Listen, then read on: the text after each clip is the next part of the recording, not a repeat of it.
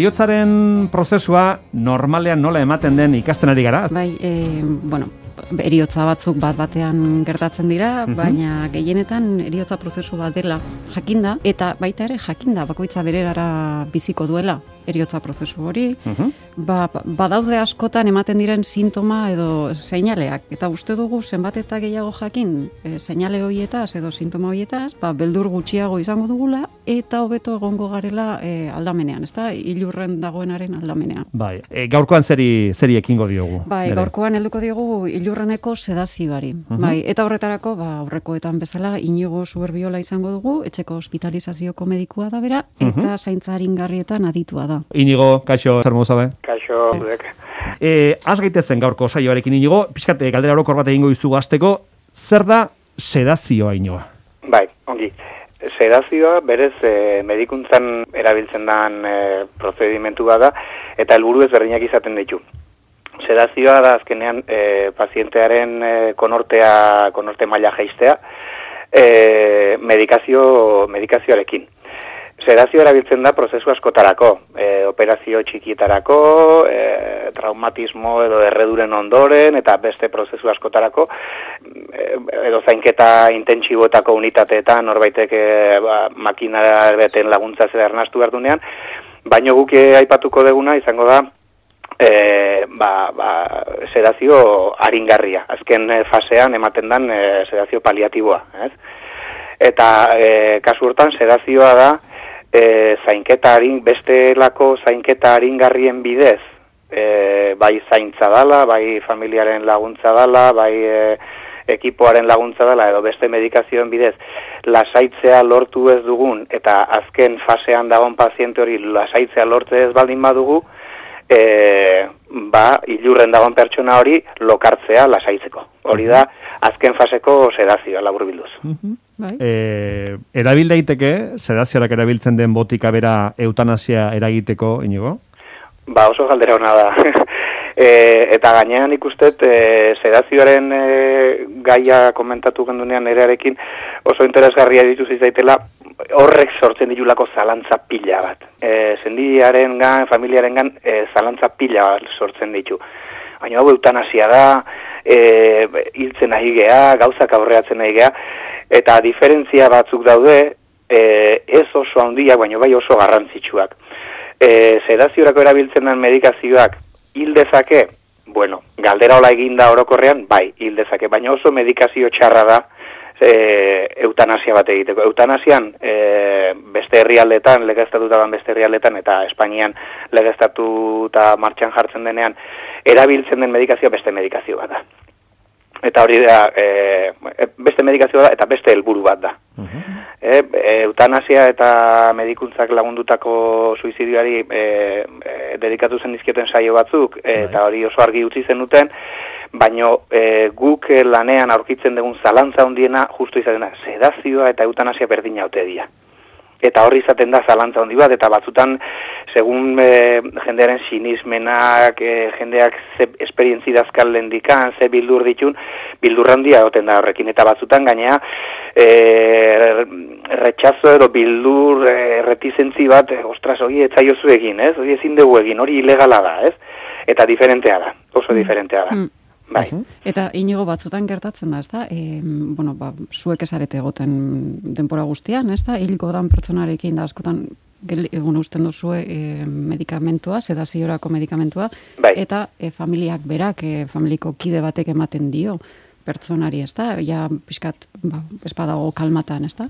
Eta sentsazio horrekin gelditzen, gelditzen dira, jo, nik hildut, ez? Bai, batez ere ez, baldu, ez baldin badegu lortu e, ondoan dagoenak diferentzio hori ulertzea. Claro. Sedazioa, bai e, mm, e, sakona edo harinagoa, mm, bueno, e, noiz sortzen dan batzutan e, ba, ba, ez da, ezin da programatu, ez?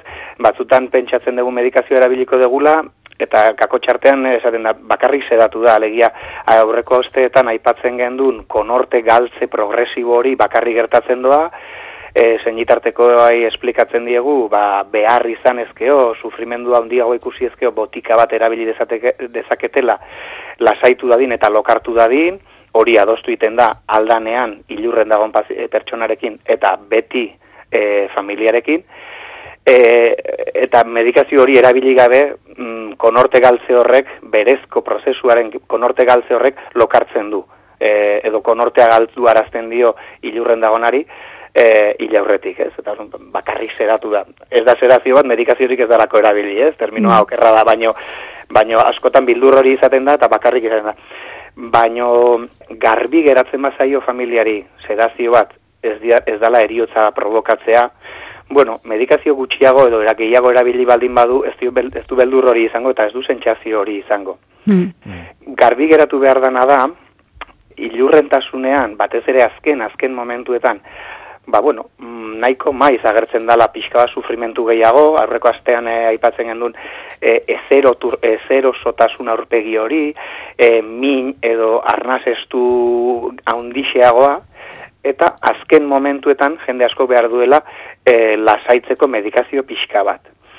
Orduan, ez dugu horretarako egin, baizik horregaitik. Eta hori da diferentzi nagusia. Mhm. Eta hori da e, laguntzen degunean, ulertzen laguntzen degunean jendea lasaitzen duena. Ez, e, sedazioarekin bezala morfinarekin askotan gertatzen zaigu zalantza hori. Eske morfinak hile egiten du. Mm. Nik askotan entzun dut morfina jarri zioten nere izebari, nere amonari, nere amari, nere... Mm. Eta gero hile egin zen. Bai, azken faseetan jende askok izaten duelako e, mine zorrotzagoa, sufrimendu pixka bat, izatez euskeraz min bizia izena du, ba, ma, min biziak ez, eta ordun fase horietan, bez, bizitzako beste faseetan, baino gehiago erabiltzen dira, bai morfina edo bai sedanteak, eta ordun e, bai, ilurrentasunetik gertu gehiago erabiltzen dira medikazio. Mm. Baino ez horretarako, ez gauzak aurreratzeko, baizik badatozelako. Claro. Diferentzi txikia da, baina oso importantea. Bai. Vale. Bai. Bai. Eta hor gero gehituko nuke e, inigo pira, e, beti esaten da ez batzutan e, etikoki edo ez, e, beldurra ematen diotela, ba, orain ez da gertatuko ze eutanazia behintzat egoaldean e, legeztatuta izango dugu, eta ez da egon gorrelako zalantza, ez, edo beldurrik, aber, lege, legala da. Legala ez. uste dut. Bai, baina bai, legala gero- ote dan, bai, baina beldur, baina importanteena da beldur eta zalantza horiek argi geratzea. Bai, eta gero horri gehituko nauke, askotan ez da, ez da agertzen, baina Espainiako medikuen eh, kode deontologikoan, eh, gida etikoan, hogeita amasei punto bat artikuluan, eske askotan, askotan eh, bueno, borroka hori, ez da, eutanasia ez, bai, eta horretan eh, egon garenean, ba, uste dut, hau, askotan falta, eh, gal, galdu egin dala, ez da, Bai. artikulu honetan, Aipatu zu barkatu nere, eh? ez, Bai. men, norbaitek konsulta egin badu gero, etxe Bai. guk esango diogu orain, Bai. eh? baina Espainiako medikuen kode deontologikoko gida etikoan, Bai. hogeita masei puntu bat artikulua. Bai, eta eh? jarriko dute horre ilargi elkarteko webunean. Bai, duzu, bai, grabazioa jarritakoan hau jarriko dute, ez da? Baina, bueno, eh, euskaratuta, bai, bai, bai? e, gutxi gora bera esango luke medikua gaixoa sendatzen edo bera egiten saiatu behar del, dela alden guztietan, eta horrela ezin denean, gaixoaren ongizatea lortzeko neurri egokiak aplikatzeko bete beharra duela, bete beharra, eh? Mhm. Eta horren ondorioz bizitza laburtuko badio ere. Pentsa honekin, eh, asko las, bueno, jo, ze eh, lasaitasuna egongo Bai. litzateken eh, ba, burruka hori, ez da, Bai, eutanasia bai. gaiez, eta e, izan dugunean. Eta lehendabiziko esaldiera oso garantizkoa da, ematen du euskeria bat, baina keba, medikua gaixoa sendatzen edo obera egiten saiatu beharra alden guztietan. Bai. Eh? Bai, eta gero bete beharra du. Horrela ezin denean hartuko dira beste neurri batzuk, bai, ezta? bai, bai, Bai. Eta horrekin gogoratzen naiz eh, anekdota bat eh, kontatu zidatela, nola minbiziarekin eh, pertsona bat igo ze- zela ospitalera, eta justo tokatu ba, mediku bat, ba, bere etikaren zaintza zorrotza egiten zuena, eta ez zion eman sedaziorik, Mhm. naiz eta minez egon. Eta min hori, hori ka, ezin kalmatu, ezta? Mhm. Ezin kalmatu batekin besteekin, eta sedazioari uko egin zion, da itxaron behar zuten, iz- izan behar zuten, me, txanda aldatu arte, medikuaren txanda aldatu arte, sedazioa lortzeko, ezta? Hor, ez dakit, horrelakoak imaginatzen dute inigo entzun izango dituzuela askotan, ezta? Bai, e, zorionez nik uste dut gero eta gutxiago, azkenean e, ba, medikua mediku izan arren, ba, gero bakoitzaren e, ba, etika pertsonal, e, sinismen, erligio eta barrek eragiten digutelako, ez? Eta kodigo deontologikoa denontzako berdina den arren, ba, gero bakoitzak e, muga eta marra hoiek ba, tiratzen ditugulako edo tiratzen ditugulako ba, bakoitzak eran lekura, ez? Baina bai, bai nahiko garbi dago e, artikulu hortan, eta eta sedazioko gida guztietan, eta ba, ba, argi dago puntualizazio hori, ez? Lasaitzeko behar hori beste modu guztietan saiatu bagea, pertsonaren konortea galdu gabe lortu ez badugu, eta lasaitzerik lortze ez badugu, bizitza pixka bat moztuko balu ere e, erabili behar da sedazio hori e, pertsona lasaitzeko. Hori ez da eutanasia bat, eta hori bai da hola mugan gertu, eh? hori bai ulertzeko batzutan zaila egiten dela, ez? Baina eske helburua ez da bizitza laburtzea, baizik bizitza hori lasaitzea.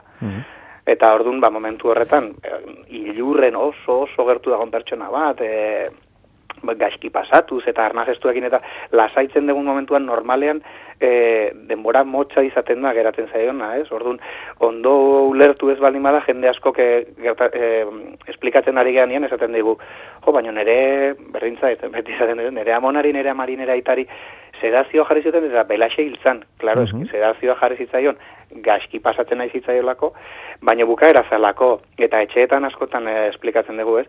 A, gertatu dakizuke, e, gaizki pasatzen ari dela ikusi, medikazio hau jarri, lokartu eta gero hiltzea. Ez dezuzuk hilko, baizik mm. hiltzen ari zen, mm. Gaizki pasatzen ari zen, eta egin diozun bakarra da momentu hortan lokartu xeago egon, eta konstientzi gutxigo izatea momentu txar horretaz. Mm Ikusi dezakezun bena, berdina da, baina ulermena oso ezberdina da, eta sentsazioa pertsonaren zat, ondoan geratu denaren zat, oso ezberdina da, ez? Azken momentuko e, batxe hori kendu diot, azken momentuko harriko hori kendu diot, eta, eta, eta bestela da, ostras, igual nizan naiz, ez? Eta jakinarren, gaixotasuna oso aurreratua zegoela, jakinarren hiltzen ari zela, e, sentsazioa oso ezberdina da, ez? Bai. E, esaten ari zaren horrekin lotuta, inigo, e, zaintza haringarrietan minaren euneko laurogeita marra kontrola daitekela esaten da, baina askok bizi izan ditugu minarekin hildako personak, eta ez dira gutxi, e, zergatik uste duzu ematen dela hori, berez jakintza eta teknikak existitzen badira? Bueno, e, batzutan, euneko laro horren barruan ere, badira momentuak, minarekin, ez dut, ni aurrean egon arren ere, ba, batzutan ostras mina daukat, eta badia momentua, gero mm, baretzen dienak, ez? Baina gero pixka bat nik uste nerek esplikatu du norregatik, ez? Ba, e, ba zainketa haringarrietan aritzen garen ona esku, eskutan e, dauden pazienteekin, ba, bada e, paziente kopuru bat ba zaila dena, ba, ba e, gaixotasunagatik edo dena delakoagatik e, min edo sufrimentu horiek kontrolatzea. Baina eske gertatu daiteke norbait larriki gaixotzea e, ba, ba justo medikuntzaren beste puntan lanean ari dan e, e, pertsonekin, ez? Eta ordun danok ezin dugu denetik jakin, mm. eta ordun ba, ba, benetan kontrolagarri e, euneko laro hori izan arren, ba, gertatu daiteke norbait larriki gaixotzea, ba, ba hortan aritze ez dan e, ba, ba, ba, ba, medikuekin eta ekipoekin eta eta bueno ba nik gauza askota oso gutxi dakidan bezala medikuntzan ba beste batzuek ere pues e, momentun laguntza eskatzeko gaitasunik edo posibilitaterik ez baldin badute ba batzutan ez da uneko 10 hori eta ba, ba, ba, bai pazientekin edo familietan ba sentsazio txarra geratzen da bai. E, badaukat anekdota bat mm. -hmm. ba nola pertsona batek kontatuta ez? Ba aita hiltzen ari zela. Bai e, medikua gertu zala etxean eta beraien etxean eta bueno, ba, e, eskaini ziotela sedazioa. Ta beraiek ez ekitela zer san sedazioa eta bai, eta eta esa, bueno, bai eskotan zegoen, baina bueno, bera hasi omen san galdetzen, ea, ea zer san sedazioa da orduan konturatu konortea galduko zuela. Mm. Eta esan ziotela medikuari, baina lasai dago. Orduan, zertarako emango diogu sedazioa e, lasai, ikusten bali madugu. Konortea galduko badu, berak ez du, nahi, bueno, berak ba, guk esagutzen dugunetik, bera lasai badago, ez du behar konortea galtzerik eriotza izateko, ze, bai. ba, bestio, bueldurrik izan, eta guk ere ez dugu behar konortea galtzerik eriotza bizizateko. Uh Eta, bueno, lortu zutela bintzat sedazioa zer zan jakin, ez, e, ez ematea, eta aita hilzala ondo, eh? ez sedatu ez ezer. Eta hor galdetzen zuen, ez? Jo, mediku bat zuentzat, sedazioa zer da, beraientzat, beraiek lasai lan egiteko, edo, edo benetan ilurren dagoenak e, behar duelako. Hmm. Hori galdera botatzen zuen, ez? Da, bai. gogoratu naiz orain, galdera horretaz, inigo ez dakizuk nola ikusten duzu hau? Hombre, bai, holako egorak ematez ezkigu, baina, bueno, kontua da, batzutan adibidez, pazientea asko sobeto ezagutzen du, edo ilurren dagoen pertsona asko sobeto ezagutzen du familiak noski, milioi kaldiz hobeto, Eta, eta egia da, egoera oso antzekotan, ba, ba familia batzuk esaten digutela sufritzen ari dela iruditzen zaiola eta beste batzutan ez. Mhm. Ez? E oso egoera antzekotan, ez? Eta ordun ba bueno, batzutan eskaintza hori egiten da eta batzuk esaten dizute, "Jolin, bai, eskerrak, ez? Aspaldi genden honen zai." Eta oso egoera antzekoan beste batzuk esaten dizute, ez? Bera oso konstiente da, oso lasai dago eta bueno, ba adibidez, e, aurreko astean aipatze ginun arnaz e, geldialdi hoiek, Mm. soinu pixka hori, Mm. E, mm, ezer osotasun momentu motx batzuk, ba, momentu motxo hoiekin, ai, mina daukat, edo, e, oean ezin naiz mogitu edo, batzuk oso natural eta, bueno, e, familiak lendikan landuta baldin badaka gai hori nola baite, lasai hartzen dute, eta oso egora antzekoan, beste batzuk ez. Ordun ba, ba, medikua egoera berdinean batzutan, haizu, Zegiritzen zaizu, bai, bai, bai, oso gaizki pasatzen ari da, lengua astetik, eta beste batzuk, ez, noski, oso sintoma deigarria baldin badia, eta, eta, eta bullauka baldin badan pertsona, bat, inorrek ez du dudarik izaten, ez? Baina badira sintomak normaltzat hartzen dian horiek, ba, batzutan bai pazientearen aldetik edo bai familiaren aldetik oso gaizki bizitzen dienak eta bestetan ezain beste, ez? Baina bai, claro, e, etxekoentzat e, sentsazio da, baina bueno, honek nolatan eskaini dit, ez? Ulertu behar da, ba bueno, batzutan e, bizipena e, bai etxekoen eta bai e, o- ohean dagoenaren aldetik oso ezberdina dela oso egoera antzekoetan. Mm. kasu konkretu hau jakin gabe, ez? Baina, baina bueno, neri gertatu zaitelako eta lankide asko gertatu zaitelako, jo, ba, sintomak oso deigarriak ez dianean, ba, famili batzuk oso urduri eta oso sentsazio beldur eta zea handiekin, eta badao justifikazio bat, medikazio pixka bat gehiago jartzeko, eta beste egoera antzekoetan, ba, familia, bueno, ba, nahiko ondo, ba, behar badegu deituko dizugu, ez? Nik uste, olako muga batean noleikela Bai, aipatzen jazun kasua. Mm. Bai. Claro, hor klabea izango da norberak, ez, eh, herritar bezala ere jakitea Jakitea, zer gertatzen da. da, ez? Denok biziko Claro. dugunez, ba, behintzat. Horretarako gaude hemen jende informatzeko, ez da? Eta pistak emateko, ze azkenean dene egokituko zaigu horrelako egoera bat, eta jakiteko pixka bat, ez? Nola Bai. jokatu dezakegun, eta Bai. ze galdera egin ditzakegun, eta bar. Bueno, hortan saiatzen da, Gabi. Hori da, hori da, pedagogia pixka bat egiten. Bueno, ba, inigo zuberriola, bezarka hundi hundi bat.